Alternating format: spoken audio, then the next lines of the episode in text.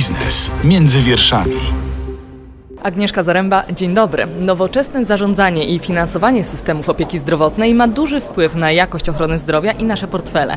Dzisiaj w specjalnym wydaniu podcastu Biznes między wierszami z Forum Ekonomicznego w Karpaczu rozmawiamy z Anną Rulkiewicz, prezeską grupy LuxMed. Dzień dobry. Dzień dobry. Jaki model finansowania ochrony zdrowia jest najbardziej efektywny? Czy to jest ten, który jest teraz? Co możemy zmienić? Jak to powinno wyglądać?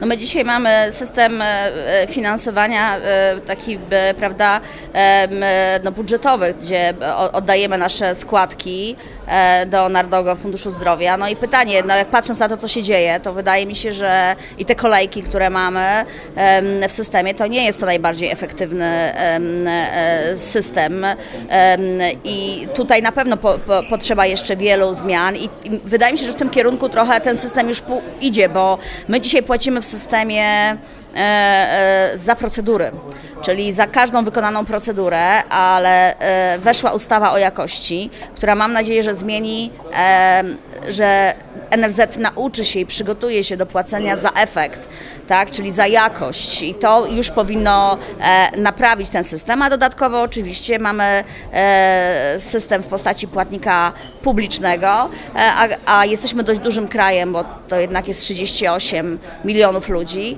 no to jest niewystarczający system. Jako jedyny, żeby pokrył te wszystkie potrzeby i był takim satysfakcjonującym system, e, systemem dla pacjentów. Więc tutaj ja jeszcze myślę o dodatkowych ubezpieczeniach zdrowotnych, prywatnych, gdzie pacjenci będą mogli sami e, sobie dokupywać, czy jakiś e, ponadstandard, czy jakiś element, którego nie ma w koszyku publicznym. Powiedziała Pani o tym płaceniu za efekt, za jakość. W jaki sposób mogłoby to być mierzalne? Co by to oznaczało dla przeciętnego Kowalskiego? No przede wszystkim to Narodowy Fundusz Zdrowia teraz będzie przygotowywał te parametry, jak będzie nas oceniał, tak, czyli świadczeniodawców.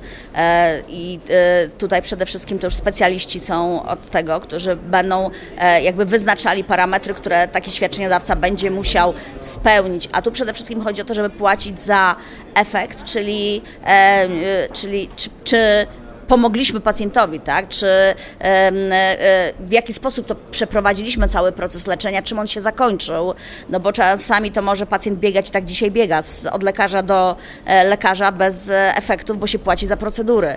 I jakby nie ma pełnej takiej koordynacji, żeby wszyscy skupili się na tym, żeby pacjenta tak poprowadzić ścieżką, żeby jak najszybciej doprowadzić go do tego efektu e, pomocy, tak? E, czy wyleczenia, czy zaleczenia, czy jakkolwiek, ale żeby był efekt e, całego tego procesu leczenia.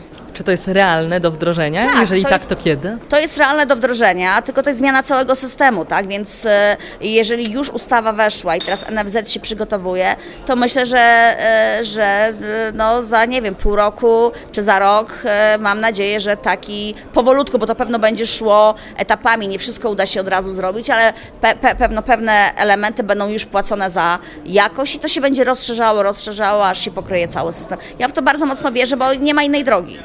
To porozmawiajmy też o zmianach w obszarze ubezpieczeń, tych zdrowotnych, szpitalnych. Jak wygląda ten zakres? Przede wszystkim dzisiaj ubezpieczenia prywatne są niezależne tak, one od systemu publicznego i one sobie funkcjonują obok systemu publicznego. Y, ja nad tym ubolewam, bo wydaje mi się, że więcej systemy całe osiągną, gdybyśmy jasno e, określili, co system prywatny powinien oferować, żeby być uzupełnieniem sektora E, publicznego. Natomiast no, my mamy takie e, e, produkty, które są jakby równoległe do systemu publicznego, czyli budujemy alternatywę dla pacjenta, czyli masz niewystarczającą jakość w systemie publicznym, czekasz długo na procedury, no to dodatkowo możesz wykupić sobie polisę na przykład szpitalną. I teraz to, co my robimy przede wszystkim u, u nas w grupie LuxMed, bo na niej się opieram, dlatego że to my jesteśmy jedyni, którzy wprowadzili prawdziwe ubezpieczenia szpitalne, czyli zdrowotne szpitalne, obejmujące tak naprawdę 80% wszystkich zdarzeń medycznych, które człowiekowi się mogą zdarzyć, czyli taki dość bardzo szeroki e, zakres e, e, świadczeń jako alternatywa dla pacjentów, żeby w razie czego, jeżeli mają środki, jeżeli pracodawca chce płacić za pracowników w tym zakresie, to żeby mógł wykupić. Nie tylko tą podstawową opiekę ambulatoryjną, ale przede wszystkim szpitalną.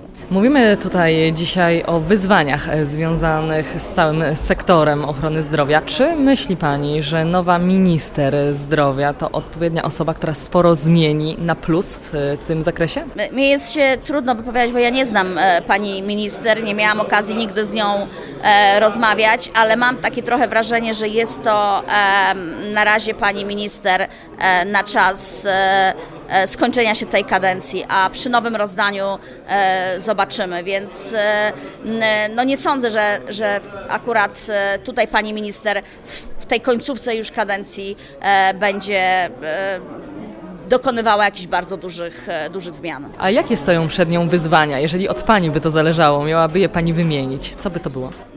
Znaczy wie Pani, wyzwań system ma bardzo dużo, tylko e, pytanie, e, czy akurat ta pani minister, czy, czy, czy, to jest plan rządu, e, bo proszę zobaczyć, są wybory, tak mi się tutaj trudno odnieść, kto wygra te wybory, ale w przypadku, gdyby, e, gdyby pani minister była na dłużej, no to powinna e, kontynuować to, co wydaje mi się już zostało wdrożone, czyli tą ustawę o jakości, wzmacnianie kadr medycznych, coraz więcej tych osób w, w obszarze leczenia, czyli lekarzy, pielęgniarek, innych zawodów, zawodów medycznych.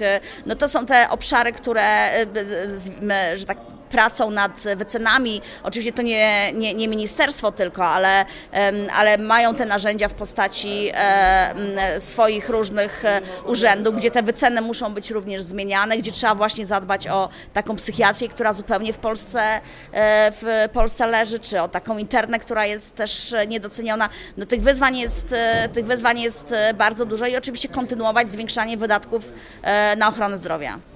Dużym problemem związanym z funkcjonowaniem branży jest także brak kadr. Rok temu rozmawiałyśmy w Karpaczu na ten temat, ale trochę w innym kontekście, w kontekście pandemicznym.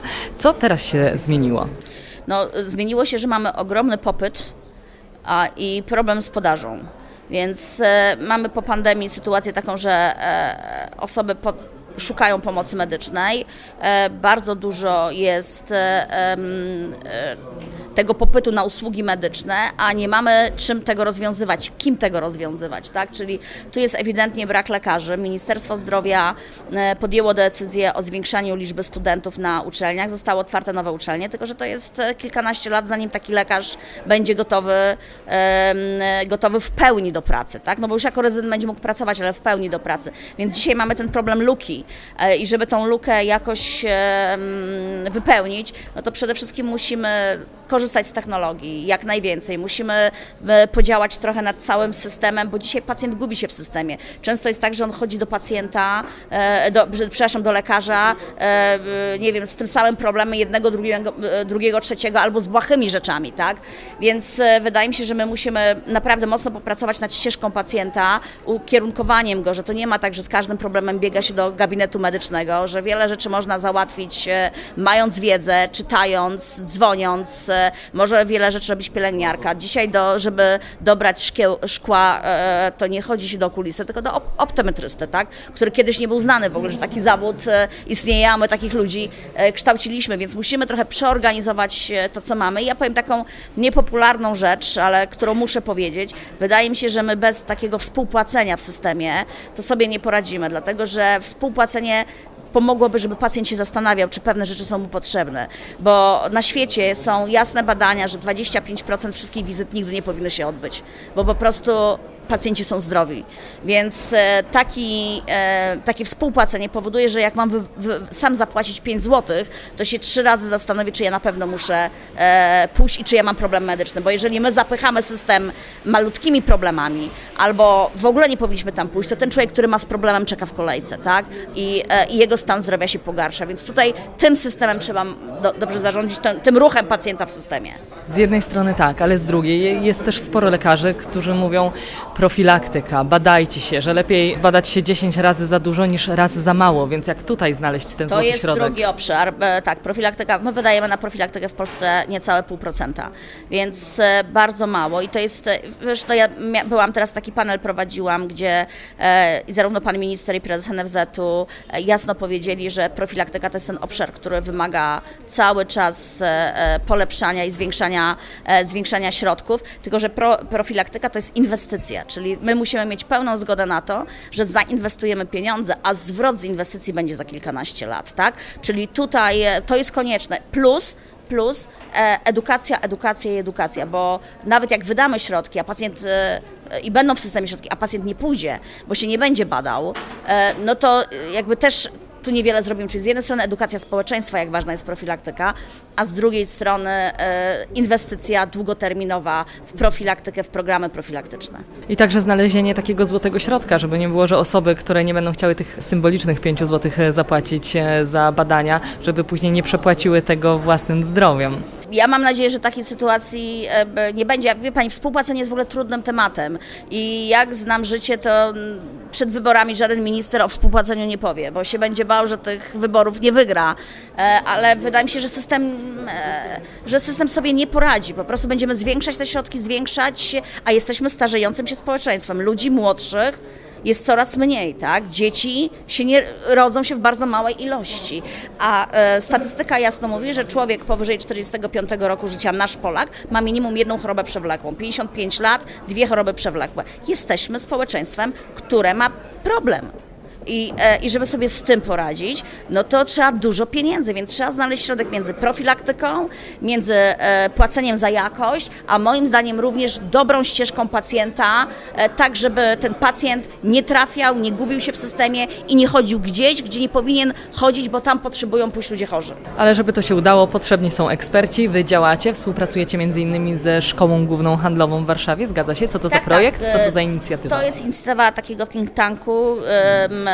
Prowadzimy to razem. E, No, chcemy mieć tutaj stworzyć różne e, pomysły na e, opiekę zdrowotną w Polsce, naukowcy plus, e, plus praktycy, którzy, którzy to robią. No, miejmy nadzieję, że to też będzie takie narzędzie, które ministerstwo, jak coś stworzymy, e, z uwagą przeczyta. To jeszcze tak na koniec, podsumowując, wątek zdrowia psychicznego, który także podczas forum ekonomicznego jest podnoszony. Jest to bardzo duży, coraz większy problem. Jak Pani się na to zapatruje? Tak, to jest. e, Dzisiaj mówimy o tym, że nawet e, pacjent czeka na wizytę do, do 20 2025 roku, tak? Ten mały pacjent, więc często może być tak, że on już będzie dorosłym pacjentem, jeżeli nic się nie wydarzy i e, te problemy się rozwiążą. A już nie mówiąc o tym, ile takiej młodzieży jest w depresji, czy dzieci w depresji, e, próby samobójcze, czy samobójstwa, więc to jest absolutnie trudny temat, bardzo ważny. Pandemia też to w, jakby e, podkreśliła i umocniła, że te dzieci potrzebują e, wsparcia psychologicznego, psychiatrycznego.